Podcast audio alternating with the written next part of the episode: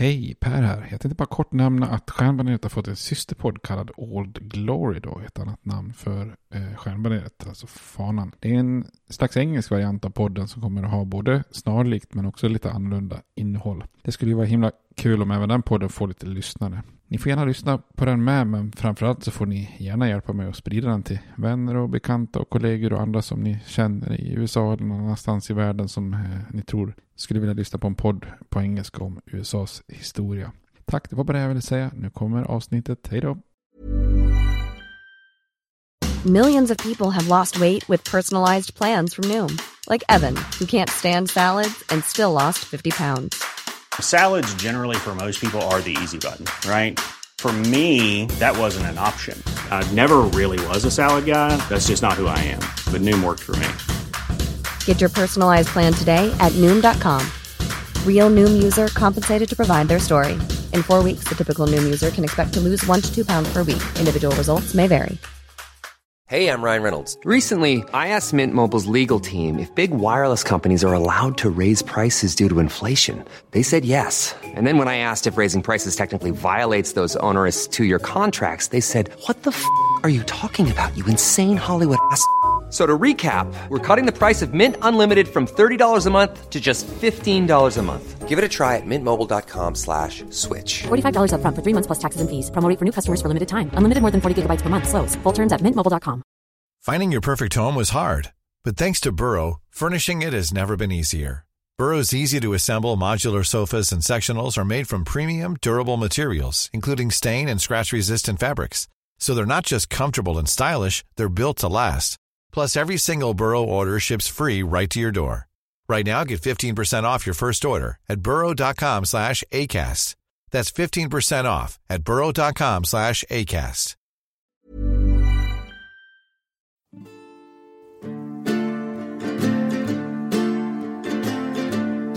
We hold these truths to be self-evident, that all men are created equal, that they are endowed by their Creator with certain unalienable rights, that among these are life, liberty, and the pursuit of happiness. Now we are engaged in a great civil war, testing that government of the people, by the people, for the people, shall not perish from the earth. And so, my fellow Americans, ask not what your country can do for you, ask what you can do for your country. I have a dream. My four little children will one day live in a nation where they will not be judged by the color of their skin, but by the content of their character. Mr. Gorbachev, tear down this wall. I did not have sexual relations with that woman, Miss Lewinsky. Till Stjärnbaneret igen, en podcast om USAs historia. Och som vanligt sitter jag här med Robert. Hur Jag är läget? Ja, det är bra. Ja. Eh, vi sitter på ett nytt ställe, eller nygammalt. Vi har spelat in här en gång tidigare. Nu är vi i en lånad lägenhet igen. Jag vet inte om det kommer höras på eh, de olika avsnitten att vi har suttit på olika ställen. Det kanske ekar lite mer här. Jag vet inte. ja, kanske. Annars tror jag inte att det Nej. riktigt märks faktiskt. Har du lite förkyld då? Ja, precis. Jag kommer väl att frusta lite och låta lite som att jag håller för näsan. Men det, det får gå. Ja, det ska nog gå bra. Jag, jag har hört dig vara sämre. I, eh, sämre ute när det gäller förkylning då. Ja. Ännu snörvligare. Så det här tycker jag är okej ändå. Ja, det är fint. Ja. Du är till och med sitter med matförgiftad. Ja, ja, ja visst. Ja. Ja, så kan det vara. Ja, vi ska ju ge oss in här nu på 1850-talet här i vår översiktsserie. Och eh, det präglas ju av en helt, eh, eller den här tiden präglas ju helt av den här eskalerande konflikten mellan nord och syd. Eh, Så vi är på väg in mot inbördeskriget kan man säga. Mm. Och det är ju, sen med facit i hand så blir det ju väldigt lätt att man under de här 15 åren ungefär fokuserar väldigt mycket på just det, att det blir inbördeskrig. Men det är inte så konstigt att vi kommer komma till inbördeskriget är ju så otroligt avgörande för USAs historia. Det finns väl ingen händelse som är så pass avgörande och man måste ju på något vis försöka förstå varför nästan 700 000 människor får sätta livet till då. Och det blir lite av en sån här jobbig period eftersom nästan allt som händer präglas ju av det här med att man successivt glider ifrån varandra och närmar sig kriget. Då. Det känns som du har dragit ut lite på det. Det är ju ändå din favoritperiod vet jag ju. Eh, inbördeskriget. Och jag tänkte att du efter de senaste avsnitten att ja, men nu är vi väldigt nära, nu kör han nog igång snart. Men du drar ut på det med ett par av avsnitt till här då, innan Ja, själva kriget. Ja, precis. Ja, det är ju några år kvar här tills det bryter ut. Vad sa du, idag blir det 50? Ja, precis. 1850-tal. Vi kan Ja. säga att vi egentligen avslutar... Vi avslutar... Vi har gjort Mexikokriget Mm. som ju är 46 till 48. Och sen backade vi tillbaka och kollade lite grann på hur nord och syd formades och hur slaveriet Ja, fungerar och lite tidiga konflikter. Så att nu ska vi väl ta de här 15 sista åren eh, i ett par, tre avsnitt fram till själva kriget då. Mm. Men innan vi börjar med det, det var lite roligt. Vi nämndes ju, nämnde ju den här svenska basketspelaren, Jonas Jerebko. Ja. Han är ju het som bara den. Har du sett det? Ja, jag tror när vi nämnde han var väl som hetast va? Var det inte Ja, då det han hade avgjort eh, en match där, du vet med sista skottet? Ja, just det. Ja, för han verkar ju få väldigt mycket speltid. Mm. Det är ju spännande. Han är ju, det är ju ändå regerande mästarna, så det är ju ingen skitlag han. Nej, verkligen inte. Det gick väl att jämföra med om Real Madrid ville ha, ha en som fotbollsspelare liksom. Så tackar man nog inte nej till det. Du har inte fått något Nej, erbjudande? nej, nej. nej. det kanske kommer. Du hänger vid fortfarande. Ja, jag är kvar i min, min klubb här nu. En, en fjäder i hatten ändå. Ja. Det var ju lite roligt för det visade sig att min, eh, min kollega, för detta chef faktiskt, eh, Ann-Sofie, som eh, är väldigt positiv till podden och stöttar oss väl. Hon, hennes barn är faktiskt kusin med Jonas Jerebko. Jaha. Så kan det vara. Så att hon sa att hans pappa, amerikan, kom till Kina för att spela basket. Ja, jag hade för mig att det var någon sån koppling där då. Och då träffade han han- också är väldigt lång då. Jag tror det, för då träffade han en svensk tjej då som han gifte sig med då. eh, Och fick, fick Jonas ihop med då. Och, och hon, jag tror hon också spelade basket. Så att han är nog född med en basketboll i handen. Liksom. Ja. Så det var lite roligt. Men Kul att det går att lyckas även som svensk i världens bästa basketliga. Ja, verkligen. Det är ju... Det trodde man ju var omöjligt. Men... Ja, det är imponerande. Jaha. Nu får vi vänta på att någon blir väldigt framgångsrik i, eh, i inom amerikansk fotboll eller baseball också. Men det lär nog dröja kanske. Ah, ja, det lär det nog göra. Men innan vi går vidare då, ska vi eh, ha som vanligt kanske någon ölrekommendation? Ja, vet du, jag eh, skäms lite över den här kopplingen. Jag har egentligen ingen koppling. Men det är lite kopplat till hembryggning av öl då. Ja. Jag vet ju att det här avsnittet kommer eh, ta upp eh, Nebraska. Ja. Nebraska. Nebraska. Och det ja. kallas väl för eh, eh, The Cornhusker State. Det är ju majs då.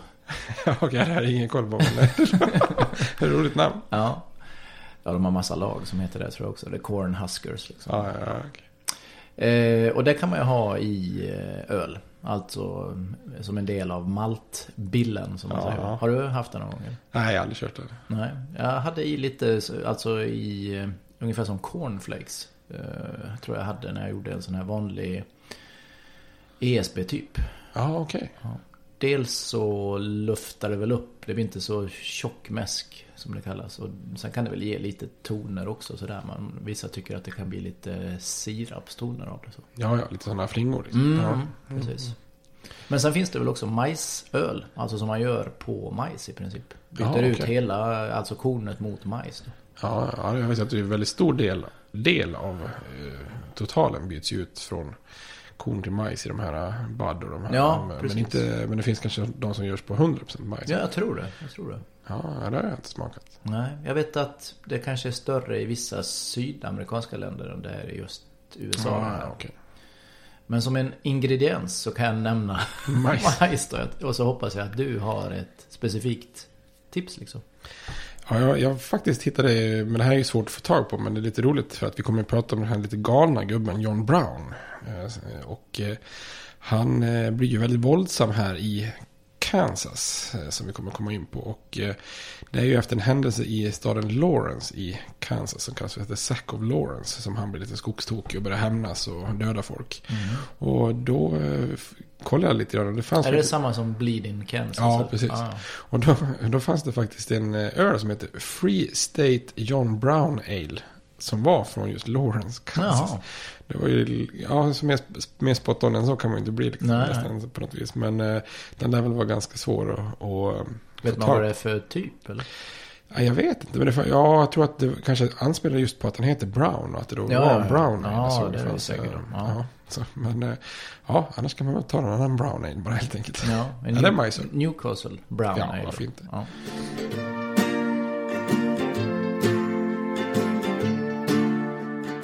Bra, men då kör vi vidare då. Då får du ta upp tråden. Yes. Och man kan väl säga så här, om man tittar lite grann på Mexikokriget och eh, följderna efter Mexikokriget. Så vi slutade tror jag den eh, Mexiko-avsnitten med ett eh, citat från en poet där, Emerson, som han sa så här, Mexico will poison us, sa han. Att det är ungefär som att svälja arsenik liksom. Eh, och det stämmer ju ganska bra då. Och man kan säga att kriget är egentligen bara tre månader gammalt. Alltså precis startat Mexikokriget. När en eh, kongressledamot, David Wilmot från Pennsylvania. Eh, det är då han egentligen tänder stubinen som inte... Ja, som inte egentligen slocknar förrän vi är framme vid inbördeskriget då. För att i ett tal i representanthuset så föreslår han att slaveriets utbredning måste stoppas med Texas då. Och ifall man då eh, erövrar ytterligare territorier från Mexiko, vilket i det här läget då inte är eh, ett faktum då, så menar han på att då måste slaveriet förbjudas i de eventuella områden som vi erövrar. Och då har den här explosiva frågan då om slaveriet i territorierna då eh, exploderat igen. Man har öppnat upp eh, Pandoras ask där då som har varit stängd sedan den här Missouri-kompromissen 1820. Pandora. Ja, jag kommer- såg du Pandora-artisten? Eurodisco-artisten i Stadsparken i Lud- Ludvika någon gång på 90-talet? Som jag har förträngt. Men eh, vad, vad skulle jag annars ha varit den dagen? Eller, om, Nej, han- du... jag tror inte det pågick så många andra evenemang. Nej. I Jag- Ludvika vid den jag tiden. törs- Så bodde jag där så var jag nog där då. Jag törs utlova det som ren fakta. Ja. Ingen fake news. Du Nej, var där. ja. Mm. Men den här Wilmots princip då. Det som är uppseendeväckande och lite oroväckande med det här. Det är att den röstas igenom representanthuset. eh, Men röstas ner i senaten då vid flera tillfällen. Och det som är unikt då är då att den här röstningen följer ju inte längre de här politiska partierna. Utan eh, helt enkelt så följer den ju de två sektionerna, nord och syd. Så man kan säga att i representanthuset där nordstaterna har majoritet eftersom det, representationen baseras på befolkning så röstar man för Wilmots princip. Medan senaten där södern då har makt genom att övertala några från norr eh, röstar emot hela tiden. Och då kommer ju den här gamla eh, räven då, John Calhoun från South Carolina då, en gamla vicepresidenten som jag pratat om tidigare, som är en fundamentalistisk eh, slaveriförespråkare. Då lägger han fram en motsatt princip då som är, och den går egentligen ut då på att slavägare har en, ja vad ska man säga, okränkbar rätt att ta med sig sina slavegendomar till alla territorier som erövras från Mexiko, alltså punkt. Eh, Och han baserar det här på konstitutionens femte tillägg som förbjöd kongressen att beröva någon från life, liberty och property. Och eftersom han ser slavar som property så är det ju egendom då. Han, han, det här dryper lite av ironi då för att eh, i samma mening så ska man ju inte ta någon ifrån dem deras frihet. Så att, Nej, nej. Men det skiter ju han i då. Han tycker att det, så kan man inte resonera utan han, han, han förespråkar slaveriet då. Och det här blir ju två extrema motpoler då. Wilmot han säger inget slaveri i något territorium. Calhoun säger slaveri i alla territorier oavsett den här Missouri-kompromissen då. Eh, och då kommer det ju snabbt lite andra praktiska snubbar som lägger lite motförslag då. Eh, bland annat finns det en eh, senator som heter Louis Cass från Michigan som, som strävar efter att bli president. Han lägger fram ett förslag och Thomas Hart Benton från Missouri lägger fram ett annat då.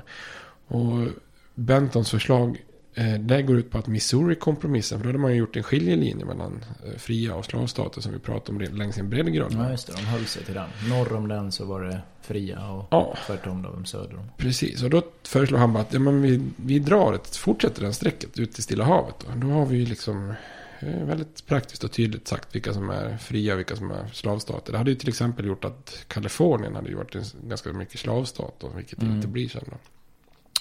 Och det här förslaget får ju stöd av han, presidenten Polk då. Det är ju tydligt och praktiskt då. Men han Louis Cass, han lägger fram ett annat förslag eh, som kallas för självbestämmande. Eller popular sovereignty som det heter på, på engelska då. Och det här innebär att det är egentligen invånarna själva i ett territorium som får bestämma om det ska bli en slavstat eller fristat. Liksom i lite bästa demokratiska anda.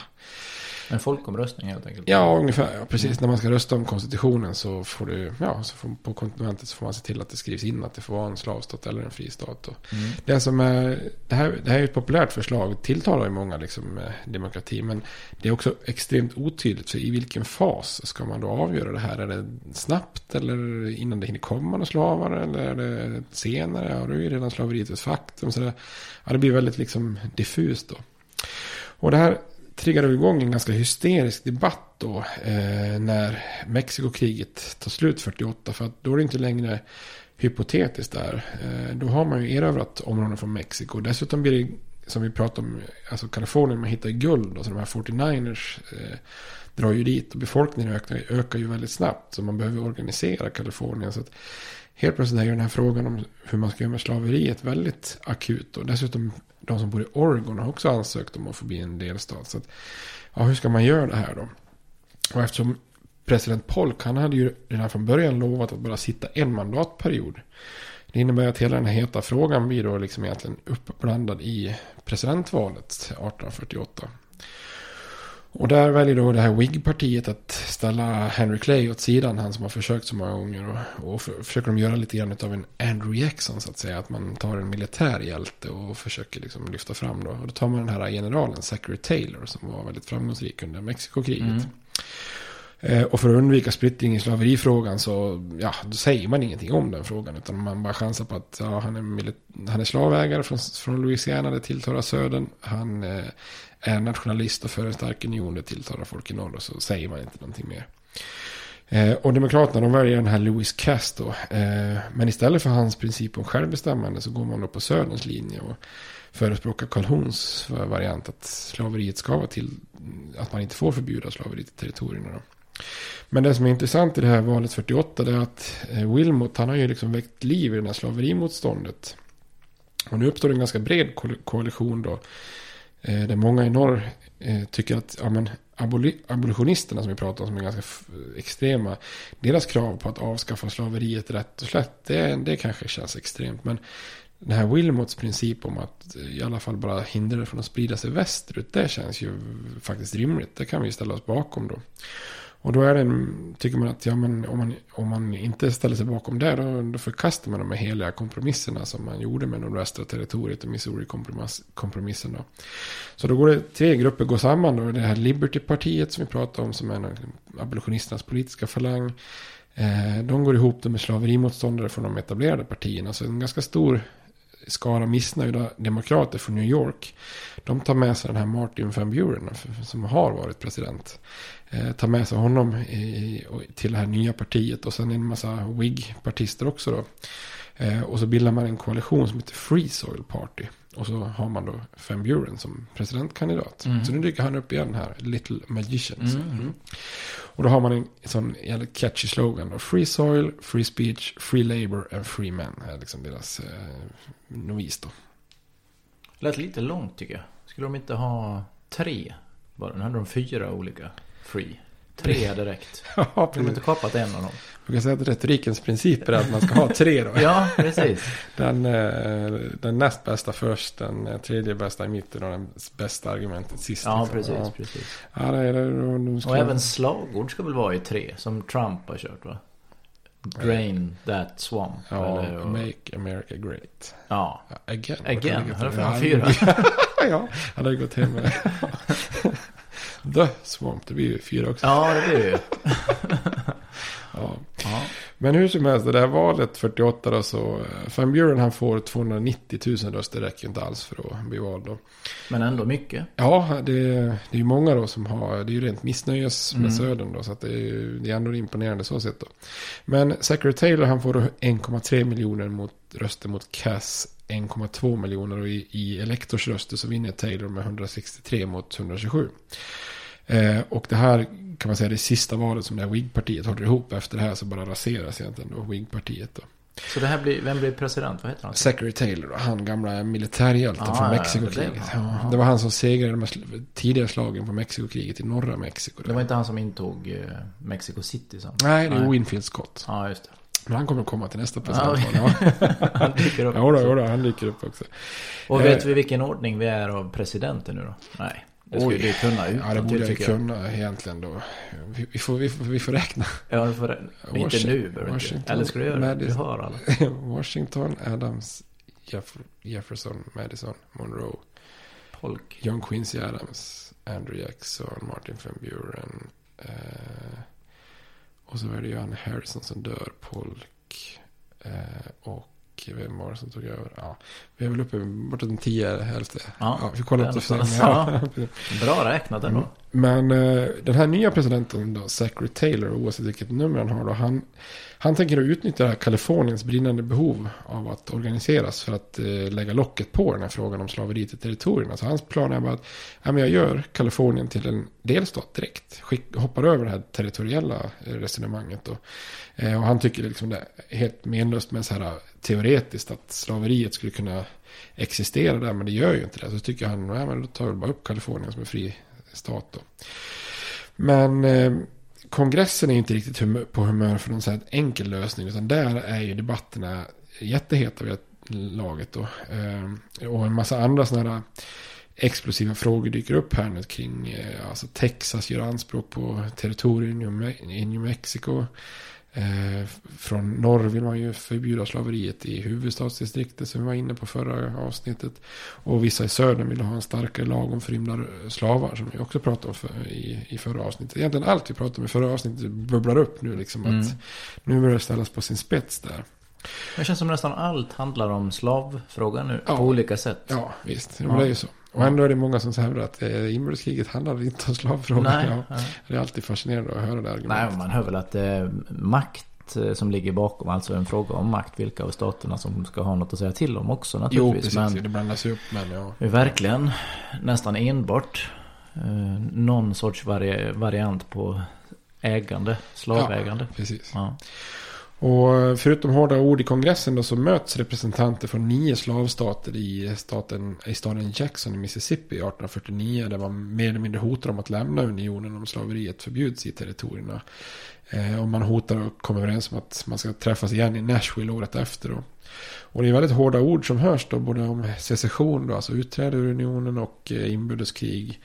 Eh, så det är ju verkligen en kris här nu 1849. Och en, en person där, Robert Toombs från Georgia, han säger vid ett tillfälle I avow before this house and country and in the presence of the living God that if you if, if by your legislation you seek to drive us, då menar ju slaveholders, from the territories of California and New Mexico and to abolish slavery in this district, alltså mm, huvudstadsdistriktet. I am for disunion, säger han. Så att de, de hotar liksom att det här funkar liksom inte längre. Mm. Och för att lösa den här unionskrisen då så hamnar senaten i fokus då. Där de här eh, som kallas för tri- triumviratet. Alltså Henry Clay, Daniel Webster och John Calhoun. Eh, de eh, har, det finns några väldigt eh, kända debatter där då. Och Clay, så han är den som har varit kompromissdirigent tidigare då, både 1820 och 1830. Så nu är han 73 år gammal och nu tänker han sig att han ska göra en sista insats för landet och, och liksom hamra fram en, en eh, kompromiss här nu då kring, kring det här. Då. Och deras debatter i senaten brukar kallas bara helt, helt kort och gott bara för the great debate. Alltså att det finns Mm. ingen, det finns ingen eh, mer, uh, mer känd debatt än, än den här i kongressen. Då. Eller senaten. Och Clay, hans förslag då går ut på att eh, ett, Kalifornien ska bli en fristat. Två, man organiserar New Mexico och Utah som jag var inne på att prata om förut. Eh, utan någon restriktion kring slaveriet utifrån den här principen om självbestämmande. Tre, man nekar Texas de här områdena i New Mexico som de gör anspråk på. Men fyra, kompenser- man kompenserar Texas ekonomiskt genom att betala av gamla mexikanska skulder som de har. Och fem, man behåller slaveriet i, i Washington DC då. Men sex, man förbjuder slavhandeln i DC. Och sen sju så inför man en hårdare lag om förrymda slavar. Och som den åttonde och sista delen så slår man fast att kongressen inte kan förbjuda slavhandel mellan delstater. Och det krävs ju en rejäl debatt för att få igenom det här då. Och Calhoun han rullas ju till och med in i rullstol. Han är så skröplig här för att, och han kan inte prata själv för han är så sjuk. Men han får sitt tal uppläst och han kräver slaveri i alla territorier. En starkare rätt att få återfå förrymda slavar och någon slags garanti för att Söderns rättigheter ska hålla då. För annars menar han att då kommer ju banden för unionen att brista då. Och tre år senare så håller Daniel Webster sitt berömda tal till försvar av unionen. Och det här är ju ett av kongressen, alltså han är ju en av kongressens bästa talare någonsin. Och det här talet som Webster håller, det är sånt där som skolbarn får citera ganska ofta då. Mm. Hans inledning är ju så här dålig, han, han säger så här, I wish to speak today, not as a Massachusetts man, not as a northern man, but as an American. I speak today for the preservation of the union. Och så kommer själva talet. Och det där är liksom, ja, lika berömda nästan som vissa av Lincolns tal kan man säga. Mm. Men dessvärre för de här, eh, för Webster och Clay då, så går inte den här kompromissen igenom. Utan de får helt enkelt dra sig tillbaka. För eh, det går inte att få majoritet för de här förslagen. Så att eh, då ser det ganska låst och hopplöst ut. Och vissa börjar fundera på att det nu är nog landet kört här 1850. För presidenten Taylor han vägrar liksom ge upp på sitt ursprungsförslag och ingen hittar liksom en lösning då. Men så inträffar en massa oväntade händelser som förändrar den här situationen då. För det första så Clay han är ju alldeles utkörd, eller vad heter det, utmattad och drar sig tillbaka då. Eh, Webster han lämnar senaten, jag tror att han får en annan, han blir minister eller vad sjutton är. Eh, och Calhoun dör då, så då är det här gamla gardet i, i senaten borta då. Men det som framförallt händer som ändrar situationen det är att president Taylor han dör den 9 juli. Mm. Eh, 1850. Han har då deltagit på som 4 juli eh, firande i hetta och fuktighet.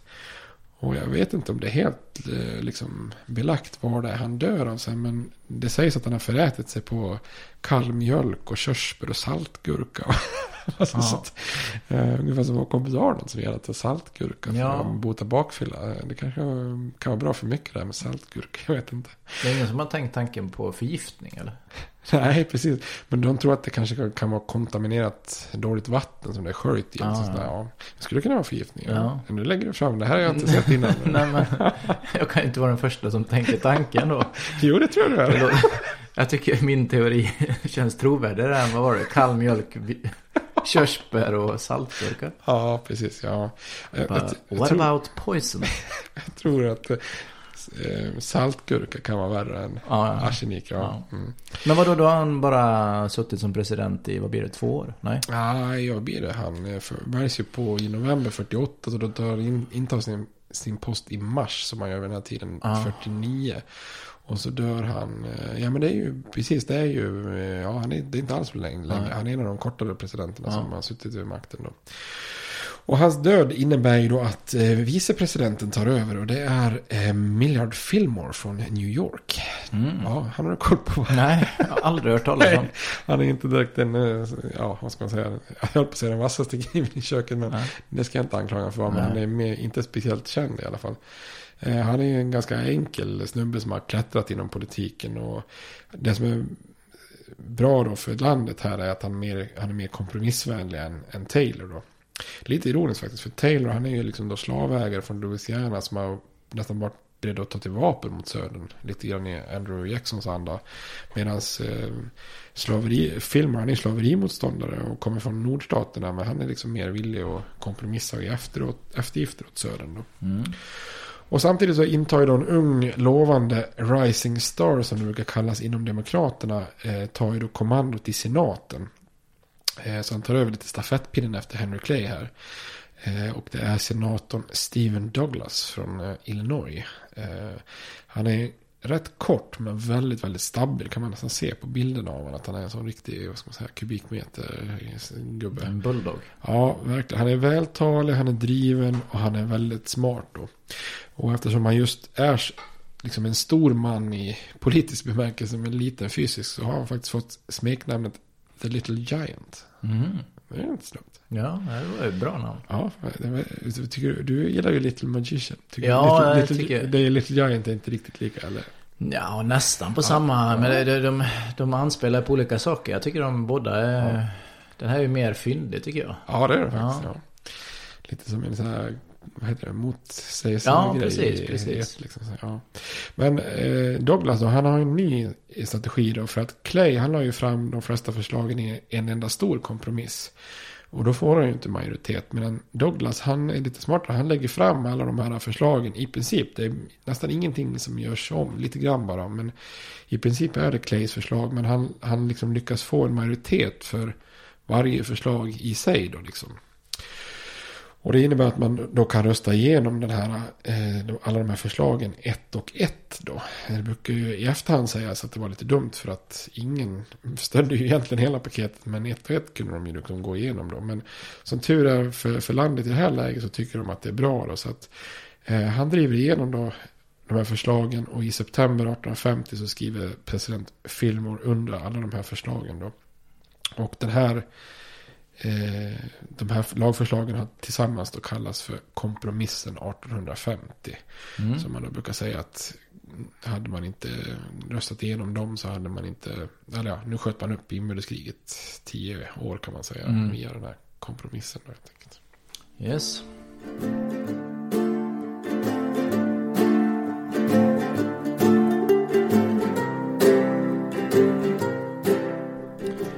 Fillmore då? Ställer han upp nästa val igen? Vad blir det? 52 då? Yep. Är han populär eller kommer han... Eh, blir han vald? Nej, men man skulle kunna tro att han, eh, han borde ju vara populär kan man mm. tänka sig spontant då efter den här kompromissen. Men eh, han är ju då en ledare för Whig-partiet. Och det här Whig-partiet är väldigt hopplöst splittrat mellan slavägare i söder och eh, slaverimotståndare i norr. Eh, så inför valet 1852 så, eh, så har man liksom inte, det, det, det är liksom ett parti i kaos, ytterligheternas parti då. Så det tar 53 omröstningar på partikonventet innan man till slut då istället för att nominera Fillmore så nominerar man då Winfield Scott då, krigshjälten från Mexico City-kampanjen. Då. Eh, så det är egentligen som en slags repris då. Från Taylor. Man tar ja. en Mexiko-hjälte och, och tänker sig att han är nog hyfsat acceptabel till både nord och syd. Eh, men vi säger ingenting annat för då kommer bara partiet att raseras. För mm. det håller inte ihop liksom längre då. Eh, och Demokraterna, de är, de är lite mindre splittrade då. Men många av de här Van Buren-anhängarna har kommit tillbaka till partiet. Men man har lite svårt att enas just om vem, vem de ska ha som kandidat. Så där tar det också många omröstningar. Så efter 49 omröstningar eh, så väljer man till slut en eh, så kallad sån här dark horse pratar vi om. Alltså mm. någon som dyker upp lite oväntat där. Och, eh, den som vinner nomina nomineringen där är Franklin Pierce från New Hampshire. Inte heller jättekänd, även om han kommer att vinna valet. Då. Mm. För det är ett ganska jämnt val då i antal röster. Men det slutar med att Winfield Scott han vinner faktiskt bara fyra delstaters elektorer då. Eh, och det gör ju då att han, Franklin Pierce vinner en ganska komfortabel eh, seger då. Och Pierce han är ju ytterligare en av de här arvtagarna från Andrew Jackson då. Eh, och han är den yngsta presidenten dittills som tillträder då. Men han är ju lite medioker kan man säga. Det är inte någon som kommer upp på allas läppar direkt. Om man pratar amerikanska presidenter då. Och betyget som man brukar, brukar få är att han varken var statsman eller ledare. Eh, och han är lite så här typexempel från sådana här som vi pratar om Doughface, alltså leransikte. Alltså en man från nordstaterna men som går söderns ärenden, liksom, mm. söderns principer. Då. Men de flesta tycker att det gör ju inget här för att vi har ju faktiskt den här härliga kompromissen 1850. Så att eh, nu spelar det inte så stor roll det här mm. slitningarna mellan nord och syd, då tänker man sig. Men man kan väl säga här, den kompromissen håller ju inte riktigt. Nej, det borde ju vara något som ja, det, du, bryter den. Du, du anar, eh, vad heter det, ugglor i mossen. mossen ja. mm. Jag hörde, att jag hörde av det uttrycket, det är ju konstigt uttryck. Ja. Vad gör ugglorna i mossen? Mm. Men jag, om jag förstår rätt så är det miss, miss översättning av danskans. Mm. Det är ulvar i mossen. Alltså ah. uh, ulvar, vargar. Ah, ja. Och om man anar vargar i mossen så här, då är det lite mer fara på färde. Ja. Men då har vi översatt det fel, så vi tror att det är ugglor. Ja, så, ja. Mm. så det, det, är några ugglor i mossen här då. Och det är ju på något vis det här att många tror ju då att de här radikala grupperna då, abolitionisterna i norr och de här fire eaters i södern då har neutraliserats. Och man pratar om den här 1850-kompromissen som den slutliga uppgörelsen liksom. Men det som, en sak som skapar stora problem ganska snabbt här efter kompromissen. Det är just den här lagen om förrymda slavar. Eh, vi pratade ju om det här i förra avsnittet. Och det är ju en rätt som skrivs in i konstitutionen. Mm. Man preciserar den i en lag 1793. Eh, hur det ska gå till. Men då börjar ju nordstaterna kontra med sådana här frihetslagar. Där man liksom ger eh, förrymda slavar tillgången till jury och rättssystemet. Och då börjar det bli svårare för södern att kunna hämta hem sina slavar. Eller många slavägare gör det inte själv. Men man skickar ju liksom någon form av eh, slavjägare. Då. Eh, och det här innebär ju då att södern kräver ju sin rätt. Och, och den här lagen som drivs igenom, den hårdare lagen om förrymda slavar 1850. Det blir ju liksom då en, en eh, eftergift till södern som inte har någon egentlig motsvarighet i den här kompromissen till norr. Då. Och det är ju nu, många brukar beskriva det här som att det är nu lagen om förrymda slavar uppstår. Men det är ju, nu vet vi att det är ju liksom en historik från Mm. nationens födelse. Men det som kommer här 1850 är ju en hårdare lag då. Och den upprör ju väldigt mycket i nordstaterna för att det är inte så bara att man stärker slavägarnas rätt. Utan den, den, den mer eller mindre uppmuntrar till att kidnappa fria afroamerikaner. Eh, och det som framförallt är, är liksom då eh, kontroversiellt är ju att det på, på olika sätt kan ju då befolkningen i norr tvingas eh, jaga slavar. Alltså att, att bli delaktiga i det här. Då. Mm.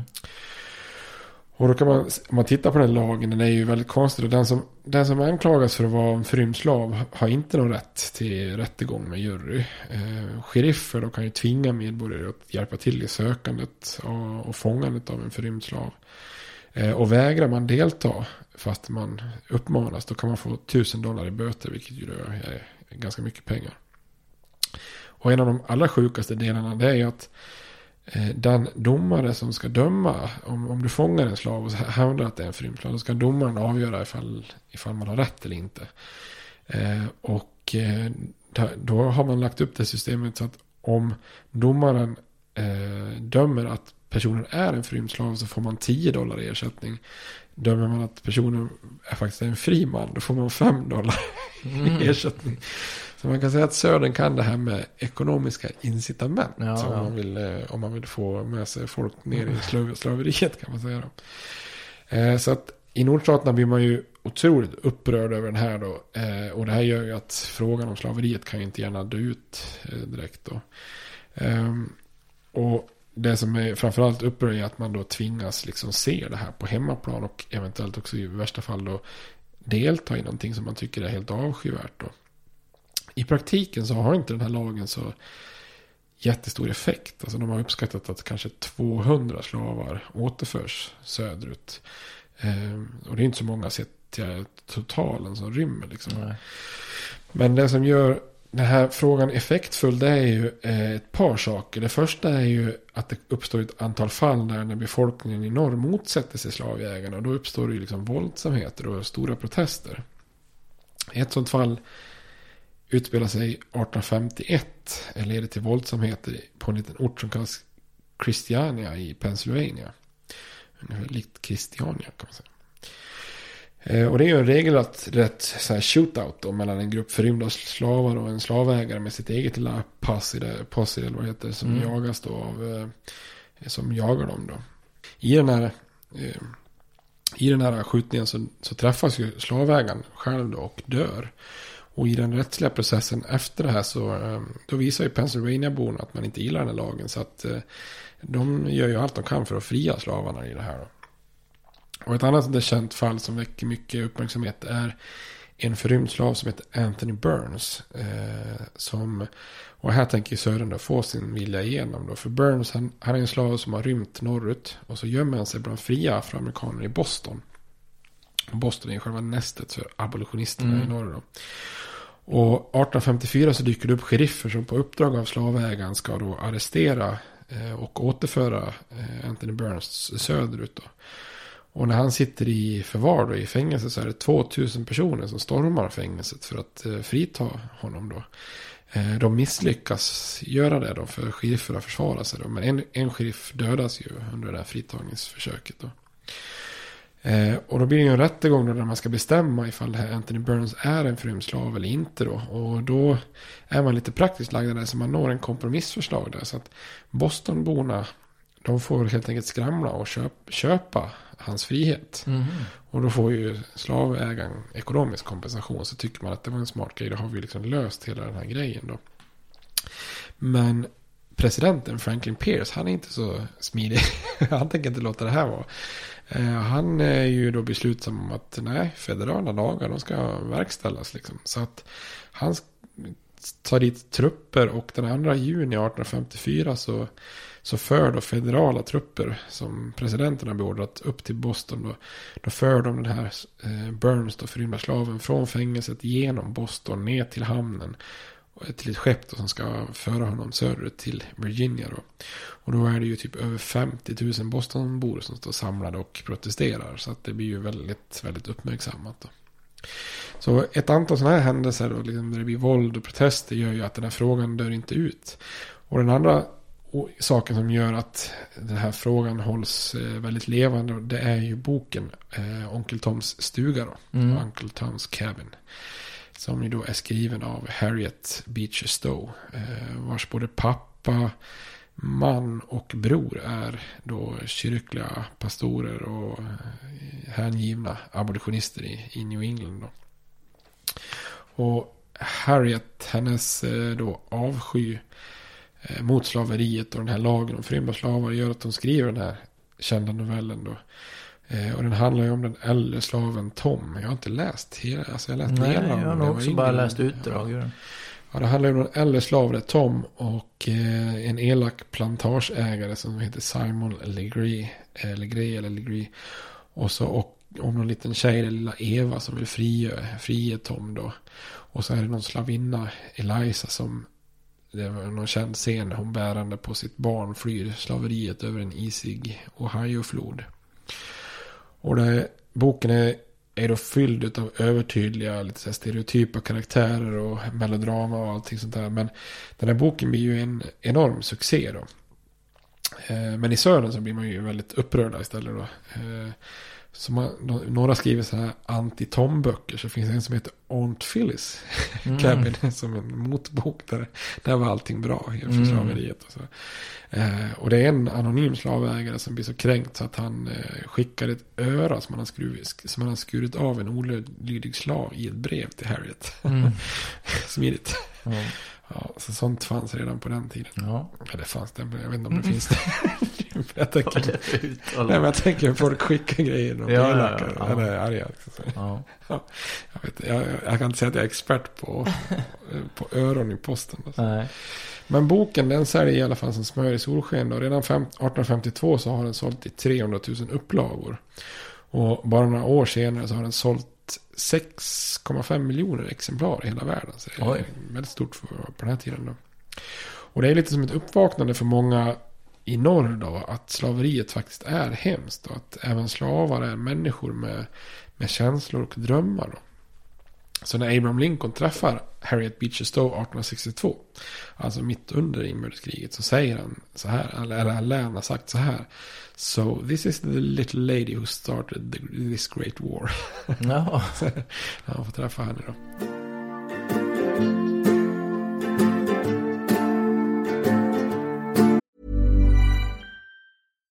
Millions of people have lost weight with personalized plans from Noom, like Evan, who can't stand salads and still lost 50 pounds. Salads, generally, for most people, are the easy button, right? For me, that wasn't an option. I never really was a salad guy. That's just not who I am. But Noom worked for me. Get your personalized plan today at Noom.com. Real Noom user compensated to provide their story. In four weeks, the typical Noom user can expect to lose one to two pounds per week. Individual results may vary. Hey, I'm Ryan Reynolds. Recently, I asked Mint Mobile's legal team if big wireless companies are allowed to raise prices due to inflation.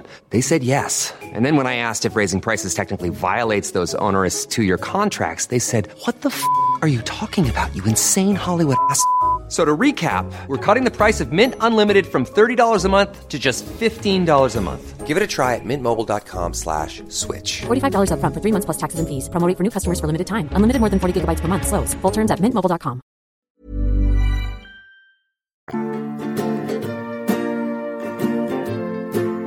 Men det är ju också andra saker som upprör eh, i nordstaterna då. Och en sån sak det är det som kallas för filibusters.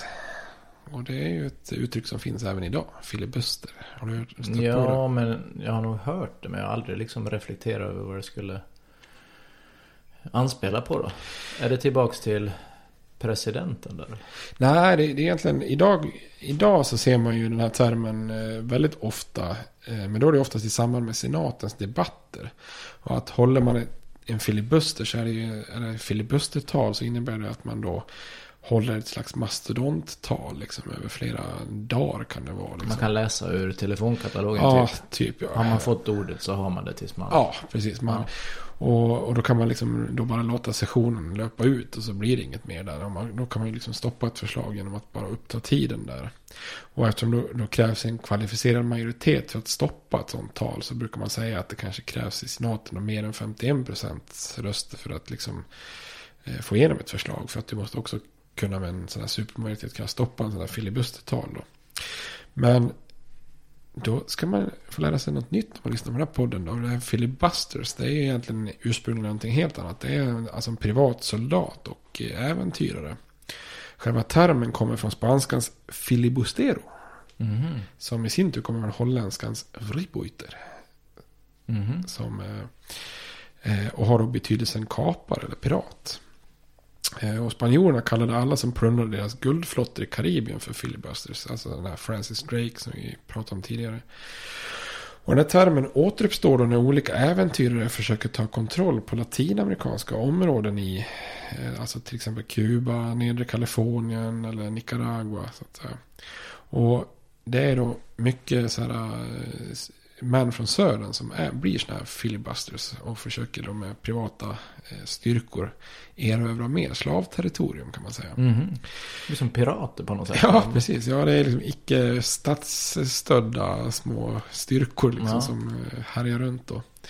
Eh, Och ett sånt område man önskar sig i södern det är ju Kuba då, som är en av Spaniens första och sista poster i nya världen. Eh, 1850 så ger Mississippis guvernör John Quitman, han är veteran från Mexikokriget. Han ger då i uppdrag åt en eh, snubbe som heter Narcisco Lopez att erövra Kuba. Eh, men han Lopez misslyckas och Quitman han åtalas för sin inblandning men frias ganska snabbt då. Tre år senare då planerar han Quitman en egen expedition till Kuba. Först lite sådär bakom kulisserna uppmuntrad av president Pierce då. Men på grund av lite kritik så drar Pierce tillbaka sitt stöd och, och stoppar den här expeditionen till söderns stora förtret. Men en av de absolut främsta sådana här filibusters det är en snubbe som heter William Walker. Eh, som verkar ha varit en sån här mångsysslare. Man läser om han har varit advokat, läkare, journalist och så vidare. För han är från Tennessee i alla fall. Och 1853 så ger han sig av med en egen rekryterad styrka utan då någon officiell uppbackning. Eh, och invaderar lägre Kalifornien, alltså Baja Kalifornien Mm. och eh, delstaten Sonora i, i Mexiko. Då. Så han tänker göra, liksom, göra en Texas, eller vad man ska säga.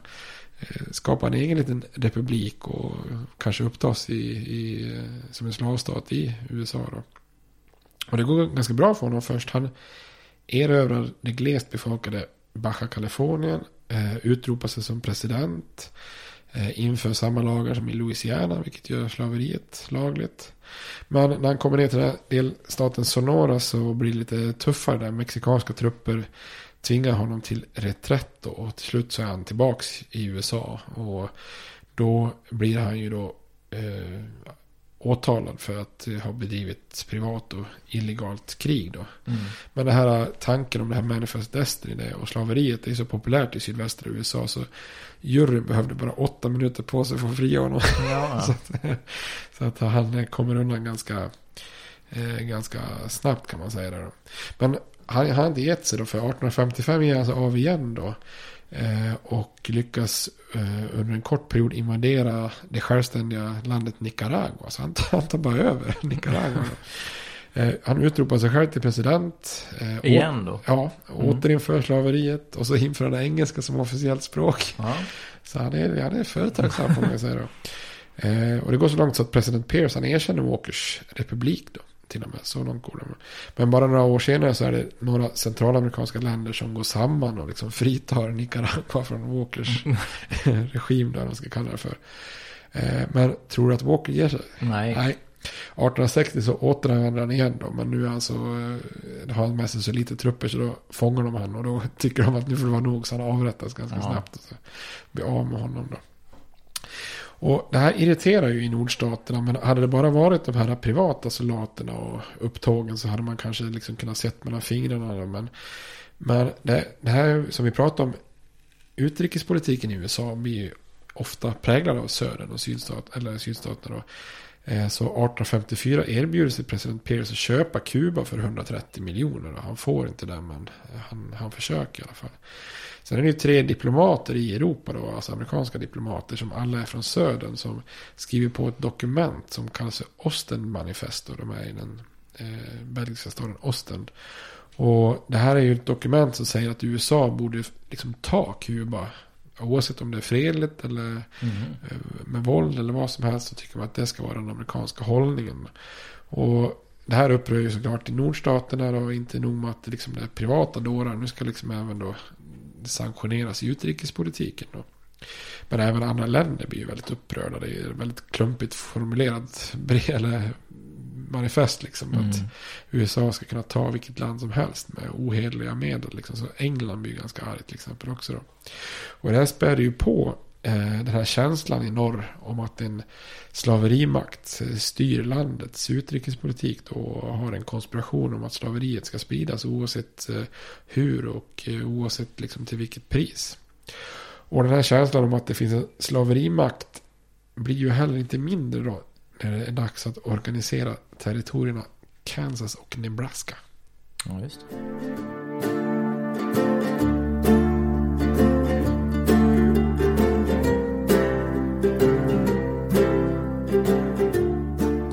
Berätta mer om dessa två stater då. Du nämnde det lite snabbt här. Vi pratade, eller jag sa, jag hade hört ett uttryck som var Bleeding Kansas, var det va?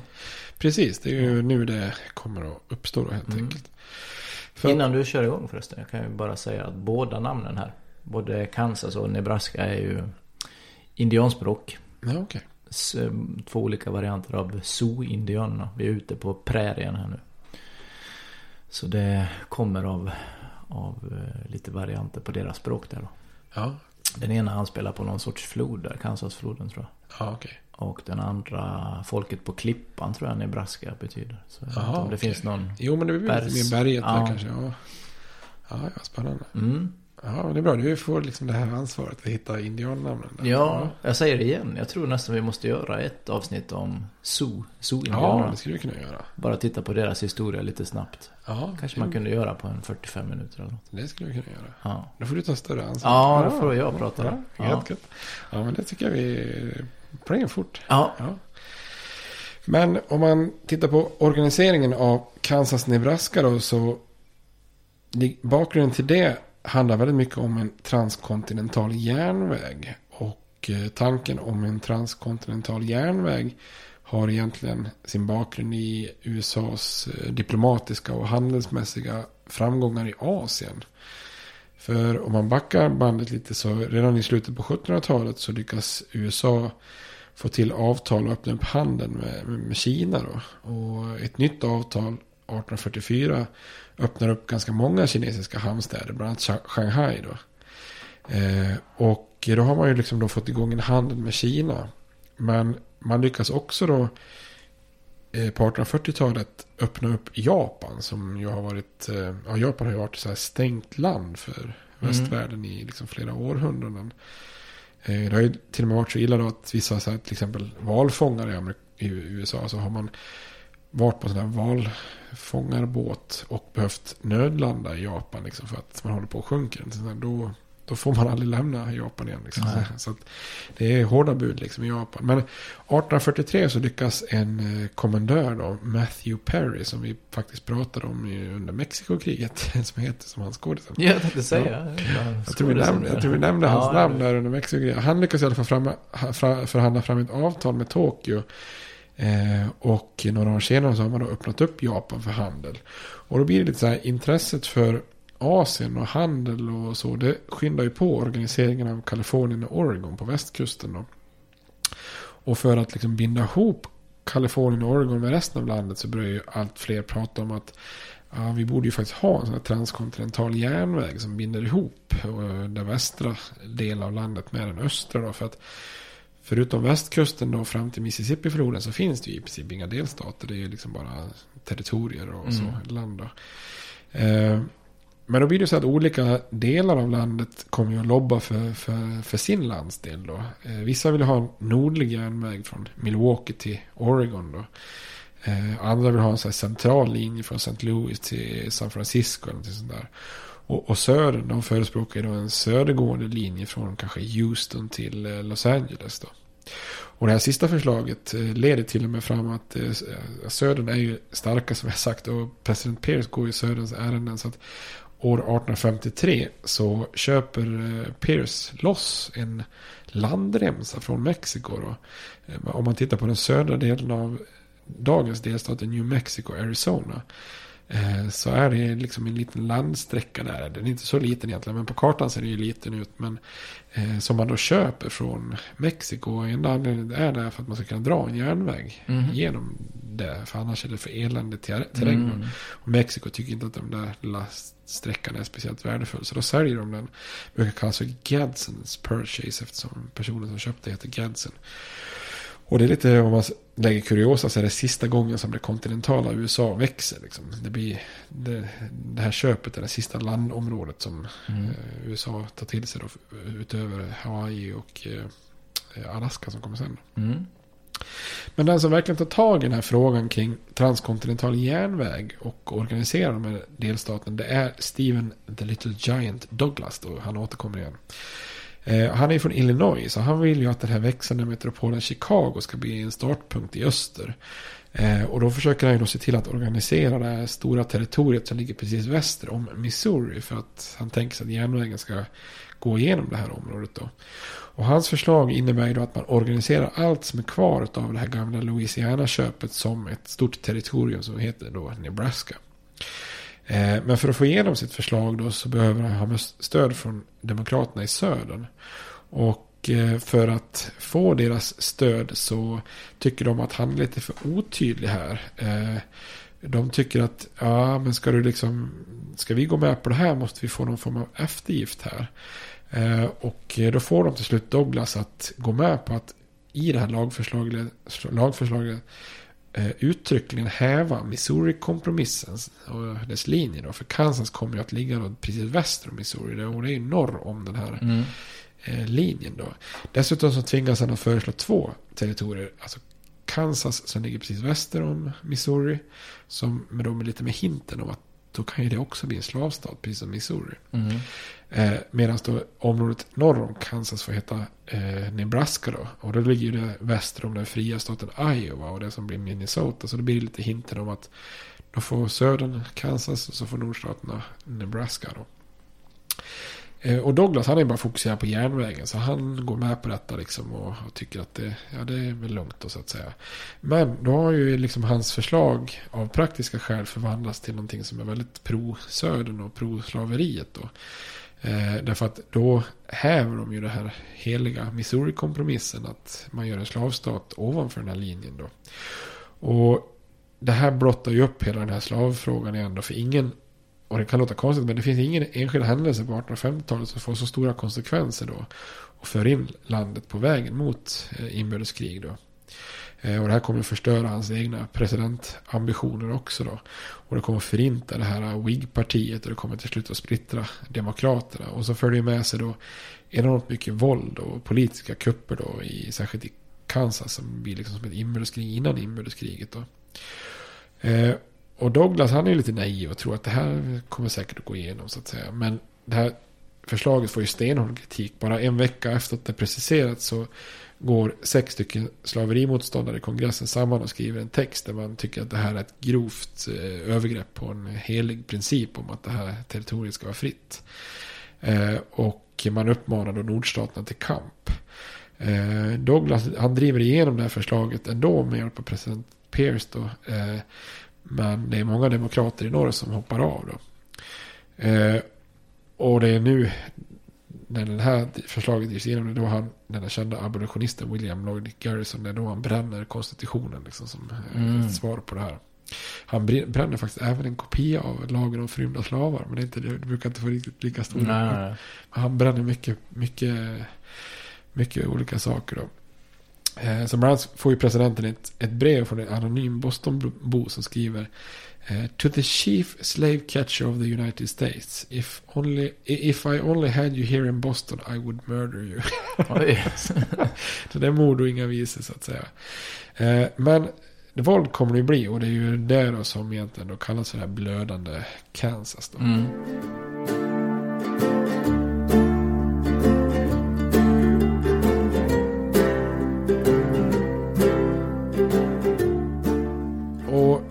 Bakgrunden till det då, det är ju att från det att det här slaget att organisera Kansas och Nebraska går igenom då så flyttas ju fokus till slätterna i, i Kansas då. Och det uppstår en kamp då eh, där egentligen frågan blir så här, vem kommer hinna först? Det blir en slags utmaning då, en tävling.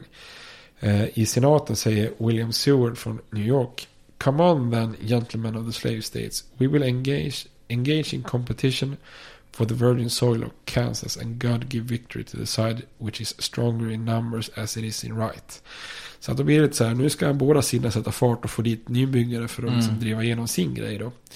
Eh, så att nu försöker man då organisera och flytta dit en massa likasinnade då. Och när den första federala guvernören då till territoriet anländer 1854 så finns det några tusen nybyggare i Kansas då. Och han kallar till val då för en territoriell församling då. Men på valdagen så för att säkra upp det här så är det en massa slaveriförespråkare som, som korsar gränsen från Missouri då. De brukar kallas för border ruffians, det är ganska bra namn. Eh, För att de med illegala medel säkrar den här valsegern. Och det innebär att många valdistrikt, antalet röstande är långt fler än det finns invånare. Så det blir liksom, ja, det blir liksom bara helt eh, värdelöst resultat. Då. Eh, Men trots att det, det är så stort bedrägeri då, så törs inte godkänna, eh, guvernören göra annat än att godkänna det här resultatet. Då. Eh, Och då börjar den här territoriella församlingen då öppna upp för att, att Kansas ska bli en slav, slavstat eller ett slavterritorium. Då. Eh, och man gör det till ett brott och hjälpa förrymda slavar och sånt där. Och det här innebär ju att en stund senare då börjar ju fler och fler slavmotståndare dyka upp som kanske har liksom börjat flytta från New England och sådär. Eh, och när de kommer fram så tänker inte de erkänna det här bluffstyret. Så att då ordnar man liksom ett eget konstitutionskonvent och så tänker man göra Kansas till en fri stat. Så de samlas i, i, i en stad som heter Topeka och skriver en konstitution som gör Kansas till ett fritt territorium. Så helt plötsligt har då Kansas två styrande guvernörer och två lagstiftande församlingar. Och liksom spänningar som man bara kan ta på. Och då är ju våldet väldigt nära. Bland annat skickas ju då vapen, alltså regelrätta vapen från nordöst. Eh, eh och bland annat av- av en eh, predikant, han, Henry Ward Beecher, alltså bror till hon som skriver Onkel Tom då. Och eftersom han då är pastor så brukar de här eh, gevären få smeknamnet Beechers Bibles. Eh, ja, man menar på att de här äh, border ruffians, de har mer respekt för gevären, för biblar. Så att de, ja, börjar man liksom skicka dit gevär. Och det här innebär ju då att det blir våld. Och i maj 1856 så anfaller då en mobb av slaveriförespråkare staden Lawrence i Kansas och förstör en massa tidningspressar och ett hotell och huset där den här fri territorieguvernören bor då. Hela den här händelsen brukar kallas för The Sack of Lawrence. Mm -hmm därför var det så bra att den där ölen hette, Ja. hade koppling till det här. Eh, och även om det bara är en då som dör i det här Sack of Lawrence så blir ju då slaverimotståndarna upprörda. Och en som blir mer upprörd än någon annan är den här galningen John Brown då. Eh, som vi kommer att komma tillbaka till flera gånger då. Han är ju, ska man säga, han är ju liksom mentalt instabil. Han har liksom misslyckats med jättemycket i livet då. Han är väldigt så här, starkt troende och en hängiven abolitionist. Så att han är liksom, ja, vad ska man säga, regelrätt fanatiker på alla sätt och vis då. Och han har då flyttat västerut med sin familj till Kansas för att då stötta i den här kampen. Så två dagar efter att det här Lawrence förstörs. Då ger han sig av med fyra söner och tre andra män till en liten ort som heter Potawatomi. Jag ska se om jag förstår det. Potawatomi, tror det heter så. Eh, och där bor det ganska många slav, slaveriförespråkare då. Eh, och då ska de ju hämnas är då hans tanke då. Och av alla jäkla tänkbara vapen som de har släpat med sig då så har de även svärd. Alltså stora sådana här klassiska. Mhm. Det heter broadsword men alltså det är en slags riktigt maffigt svärd då så att säga. Så helt out of the blue så släpar Brown ut fem stycken män från sina, hu- från sina hus då. Och, och bara hugger, hugger dem till döds. Mitt framför sina skrikande familjer liksom. Så det är fruktansvärt, fruktansvärt gjort liksom. Så här. Helt kallblodigt liksom. Bara mord då. Men eftersom det är så mycket strider och kaos här i Kansas så kommer han ju liksom undan med det. Det är liksom lite vilda västern utav det. Och den här äh, Lawrence-attacken och Potawatomi-massakern eh, startar ju någon slags grillakrig i, i Kansas då. Som pågår mer eller mindre nästan fram till inbördeskriget då. Så i slutet av 1855 så har redan typ 200 personer dött där. Så man kan säga att inbördeskriget är i princip redan igång i, i alla Mm. fall i Kansas då. Men det här våldet i Kansas det sprider sig också till kongressen av alla ställen också då. Eh, för i maj 1856 så håller Charles Sumner då, vilket är en av de främsta slaverimotståndarna i eh, kongressen då. Han håller ett tal som kallas för The Crime Against Kansas. Eh, och i det här talet så skräder han inte sina ord direkt angående slaveriet och han går till hårt angrepp mot flera ledamöter från södern då. Och den som främst hamnar i skottgluggen för Sumner det är den äldre senatorn som heter Andrew Butler från South Carolina. Och en släkting till eh, den här Butler som heter Preston Brooks. Han sitter i eh, representanthuset. Och han tänker inte låta den här skymfen då gå ostraffad. Eh, så han är lite, lite grann av en hetsporre. Så normalt sett hade han ju givetvis utmanat till duell. Eh, Det, det är klart, så Ja, man ja. gjort. I södern hade man löst det via duell då. Men han vet ju att den här Sumner, han kommer ju aldrig att gå med på en duell. Så att eh, då är det lika bra att bara ta tag i det på en gång då. Så en kväll några dagar efter att Sumner har hållit det här talet så då promenerar han över från representanthuset till senaten. Och eh, helt enkelt misshandlar honom väldigt illa då. Charles Sumner han sitter vid sitt bord i senaten. Eh, och efter några väl valda ord så börjar Brooks eh, helt enkelt bara slå honom med en käpp då. Det ska vara en guttaperka-käpp. Det är väl någon slags gummi va? Guttaperka tror jag. Ja, det vara. det är så här hårt gummi. Jag antar att det blir väl kan tänka mig att det blir lite som en en batong då. Om man Mm, har en sån guttaperka-pinne då. Eh, och han Sumner försöker ju resa sig upp i panik då. Han tar i så hårt så att han till och med lyckas dra loss skrivbordet som är liksom fastskruvat i golvet till och med. Eh, men det är lite för sent då. För innan eh, några av hans chockade eh, kollegor i senaten hinner stoppa Brooks så har han ju då slagit Sumner så illa att han har kollapsat och ligger blodig och medvetslös på, på senatsgolvet då. Och den här händelsen gör ju Sumner till martyr för slaverimotståndarna då. Och det tar ju två och ett halvt år innan han har återhämtat sig så mycket att han kan återvända till senaten. Men hans väljare ser till att han väljs om i varje val. Alltså så att Mm. han, den här tomma stolen i senaten ska liksom vara en påminnelse om kampen mot slaveriet då. Men, eh, och Brooks beteende blir ju på något vis ett kvitto på att de här slavägarna i södern, de är ju inte kloka. De kan ta till vilka medel som helst då. Mm. Men i södern däremot, där blir ju Brooks en hjälte, givetvis. Eh, han censureras ju och får lämna kongressen men återväljs i triumf av väljarna i South Carolina. Och han får ju mängder av sådana här käppar skickade till sig. En är känd för den, den stod det så här again, står det på den. så, där tycker de att det, ja. Så det är till och med så att det finns några fliser och delar från den här ursprungliga käppen som liksom säljs som souvenirer. Det är Jaha. fräckt att ha liksom då. Eh, och i södern så säger man sig, ja men ja, så, så kan det vara. Så de här vulgära abolitionisterna, till slut måste vi liksom banka vett i dem, liksom, ungefär, tycker de då. Så om vi ska sammanfatta vart vi är nu då, 1855 då, så har vi ju två landshalvor som helt har tappat tron på den andra då. För oavsett eh, från vilken del man står och tittar så, så ser man ju på den andra sidan liksom om den här Mason-Dixon line och ett eh, ociviliserat folk eh, som är desperata att ta till brutalt våld med hederskoder som är helt främmande. Så man kan säga liksom två helt olika samhällen som har växt fram och nu på 1850-talets mitt så börjar ju allt fler fundera på hur, alltså, kommer vi ens att kunna liksom leva tillsammans i en union då? Eller liksom, det är som två halvor som inte Mm. överhuvudtaget fungerar då. Eh, och jag brukar tycka att den som beskriver det här bäst är ju Abraham Lincoln själv då. Han säger i ett jättekänt tal, visserligen några år senare, 58 då, men ha- han har ett tal som brukar kallas för House Divided tal. Där han pratar om just ett delat hus.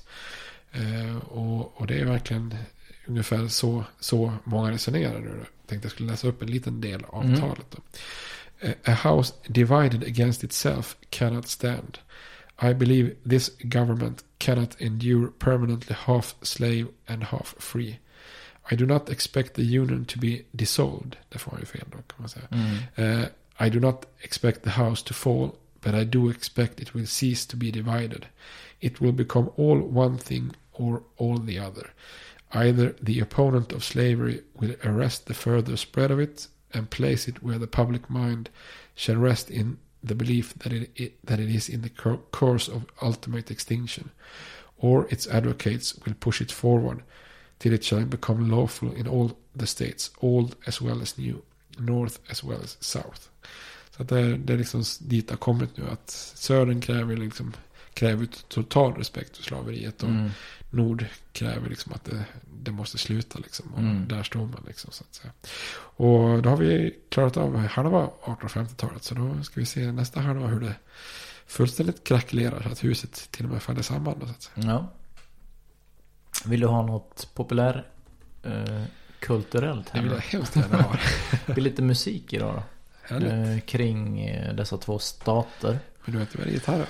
Nej, jag kan inte spela gitarr. Jag kan spela på, jo, den övre strängen. Eh, kan jag spela lite olika låtar. Bland annat Seven Nation Army. Jag, spelar. Ja, det. jag vet inte, den var kanske gjord på en bas från början? Är det en basgång? Jo, men äh, inte White Stripes. Mm. Nu är det i och för sig det är inte White Stripes som gjorde den original. Men deras version är väl... äh, det är inte de, de spelar väl bara trummor och bas? Va? Ja, det är de Jag tror det är deras unika sound. Ja, att de inte ja. har gitarrer. Nej, så kan det vara. Ja, det är Men det, de ska jag inte nämna nu. Tänk om det helt plötsligt var att de var från Kansas. Då kanske de är. Jag får googla det. Ja, nej, vi ska inte prata om Stripes. Nej. Men vi- Kansas där, du nämnde ju, det gränsar ju till Missouri. Och Kansas City ligger ju inte i Kansas. Det ligger ju i Missouri. Är inte det konstigt? jo. Det är typ precis på gränsen där bara. Ja, det är så.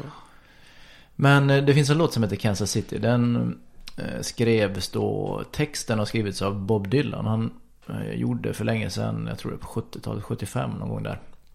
The Basement Tapes, eller Tracks, eller vad man ska säga. Då han satt och spelade in i en källare någonstans med sitt The Band. Som vi kommer att återkomma till längre fram här när inbördeskriget har kommit en bit då. Ja. Eh, Då gjorde han en del låtar där eh, som tidigare bara hade varit sådana här olika bootlegs. Men då ska man också sen i efterhand ha hittat liksom skisser på låtar och lite så här minnesanteckningar och grejer. Och ehm, runt 2012, 13, 14 där någon gång så satte man ihop eh, kända musiker från nutiden då. Och Okej. eh, tonsätta de här minnesanteckningarna och texterna. Och då är det bland annat en låt som heter Kansas City som är väldigt bra. Ja. Det finns en dokumentär om hela den här grejen. Okej. När de sätter ihop musikerna. De har typ så här två veckor på sig. Det är ju bland annat Coolt. han, vad heter han, Marcus Mumford. Som är sångare i Mumford and Sons. Okej. Och Elvis Costello. och De Fan här. vad glada de måste bli när de hittar det materialet liksom. Ja, i dokumentären är väl också Dylan med. Jag vet inte varför han själv inte liksom Nej, sätter okej, musik ja. till sin, sina texter. Nej. Men det, de, får liksom, de får något utlåtande av honom tror jag. Lite nervöst att få ett betyg av honom då liksom. Ja, lite Ja. så. Det är som att Den- han är död den- liksom. Någon, någon annan får liksom ta Ja, vid liksom. Ja. Den låg ju på SVT Play förut. Men det, det är ett visst antal dagar där bara. Va? Ja, det brukar vara så. Ja, och det här, jag såg delar av den då när den gick. Så jag är tveksam om den finns kvar nu. Men den går säkert att hitta någonstans. The Lost Tapes, eller The Basement Tapes. Eller något. ja. det måste ju finnas lite på Spotify. Ja, det finns det. Ja. Alltså låten Kansas City med det här eh, gänget man satt ihop. Den finns ju att lyssna på. Ja, och alla låtar finns ju. Men dokumentären som sådan om hur de kommer ihop och jobbar fram alla låtar. Den, den får man kanske leta efter. Ja. Men det kan det vara värt. Det kan det vara värt. Eh, Nebraska också då. Tänker du som jag direkt då på Bruce Springsteen? Nej, det... Han gjorde en skiva som heter Nebraska. Där det. den mest kända låten är Atlantic City. Det ligger ju inte i Nebraska. Nej, det är New Jersey. Det är New Jersey. Eh, Men det är en soloskiva där han gör allting själv vad jag för mig. Spelar in och hela den biten. Ja, okej. och det är bara akustisk gitarr och hans sång och munspel är det ju också då. Ja, okej. Så den är bland, om man säger eh, Bruce Springsteen-kännare, så är väl det en favoritskiva. Den kanske inte är så där typisk Bruce Springsteen, men eh, det finns några bra låtar där. Det är väl där eh, han har skrivit de bästa texterna, sägs det Ja, då. till den. Så det är inte Max Weinberg på trummor och... Nej, nej. Ja, okej. Det är det inte, utan det är bara Bruce och hans gitarr och munspel. Ja, Ja. naket och ärligt. ja, väldigt, väldigt. Eh, och sen kan jag bara liksom få ihop de här delarna lite snyggt tycker jag. För jag nämnde ju då, vad heter det, Marcus Mumford Ja, just det. Ja. och Elvis Costello. De har gjort en cover på en låt av Bruce Springsteen. Som heter The Ghost of Tom, Tom Joad. Känner du igen Tom Joad? Nej. Han är ju huvudpersonen i Vredens druvor av John Steinbeck. Jaha, är det så? Depressionens USA där på, vad blir det, 29-30 någon gång va? Ja, precis. I princip hela 30-talet. Ja, hela 30-talet kanske. De får ju lämna mellanvästern här då, sina farmer och gårdar. Ja. Eh, och så flyttar de mot Kalifornien där. Ja, och då får man följa huvudpersonen Tom Joad. Som blir någon sorts, han kommer, man släpps väl ut ur fängelse. Jag och min fru försökte läsa Vredens druvor ihop. Ja, Vars, okej. Varsitt exemplar, men vi gav upp. Det var inget bra betyg. Nej, alltså det var svårläst tyckte jag. Det var inget driv i historien. Det var intressant i början, men sen tyckte jag bara stod och stampa. Men Ja, vi gav kanske upp lite för lätt. Men han kämpar ju för rättvisa i alla fall mot de här, dit de kommer sen till Kalifornien. Ja. Eh, och eh, plockar frukt och druvor och allt vad de gör. Men de rika landägarna där, och de går väl samman, de här fattiga stackarna som har flytt från mellanväst. Ja. Men den låten är väldigt bra. Dels original av Bruce Springsteen, The Ghost of Tom Joad. Men också då um, på YouTube kan ni söka på Mumford Sons och Elvis Costello. Då lägger de också in en liten del från han Woody Gut- Guthrie. Hans, en musiker från, eh, han gjorde också en låt som heter Tom Joad. Eh, på Jaha. 40-talet då. Det är han som är känd för att ha på sin gitarr, står det ju, This machine kills fascists. Han är ju en sån här för, förkämpe för um, fackföreningsrörelsen och arbetare Ja, och okej. lite så. Ja, Det kommer vi snart komma in på. Ja. Det är ju inte långt efter. Nej, då kanske vi tar upp eh, Woody Guthrie igen Ja, då. det får vi Ja. ta vid. Att inte du har hört talas om Woody Guthrie. Så, ja. Ja. Men det ska du få göra längre fram då Ja, kanske. härligt. Så det var det jag hade. Det är inga stora sportställen det här utan det fick bli lite om musik. Vi har ju Kansas City Chiefs då, men det är ju som sagt inne Ja, i. Missouri. Det är ju amerikansk fotboll. Just, just. Och sen har vi som jag nämnde här i och med att jag rekommenderade majs då Cornhuskers. Cornhusker State kallas den. Ja, just. Men båda staterna är ju eh, jordbruksstater. Det är ju prärien här, alltså de stora grässlätterna som man då gjorde om till stora åkermarker. Ja, precis. Ja. Jo, det blir ju karriär och karriär längre västerut man kommer. Ja, där, precis. Ja, gött. Det här är litteraturen är inte min starka. Jag tänker på John Steinbeck och de här. Nej, men vi läste väl på gymnasiet Möss och människor. Ja, och vi såg filmen också. Den tyckte jag Ja. var bra, både boken och filmen. Jag känns Ja. inte som boken var så lång. Eller läste vi någon kortare version? Nej, det är frågan om vi bara läste en del av den kanske. Jag Ja. vet inte. Men jag, jag tyckte också att det var, jag kommer ihåg det som bra när vi läste Ja, den. väldigt bra. Och sen som sagt, Vredens druvor, den fick han väl Nobelpris för va? Ja, så kanske det var. Ja. Man känner igen titeln. Det är ju en av de här stora amerikanska novellerna. Eller noveller, den är ju te- tegelsten. Men... Jag tog mig inte igenom den än. Jag har två exemplar då. Ståendes i bokhyllan. Du har ju möjlighet att man kan få låna. Ja, den kan du få låna. Tom Joad.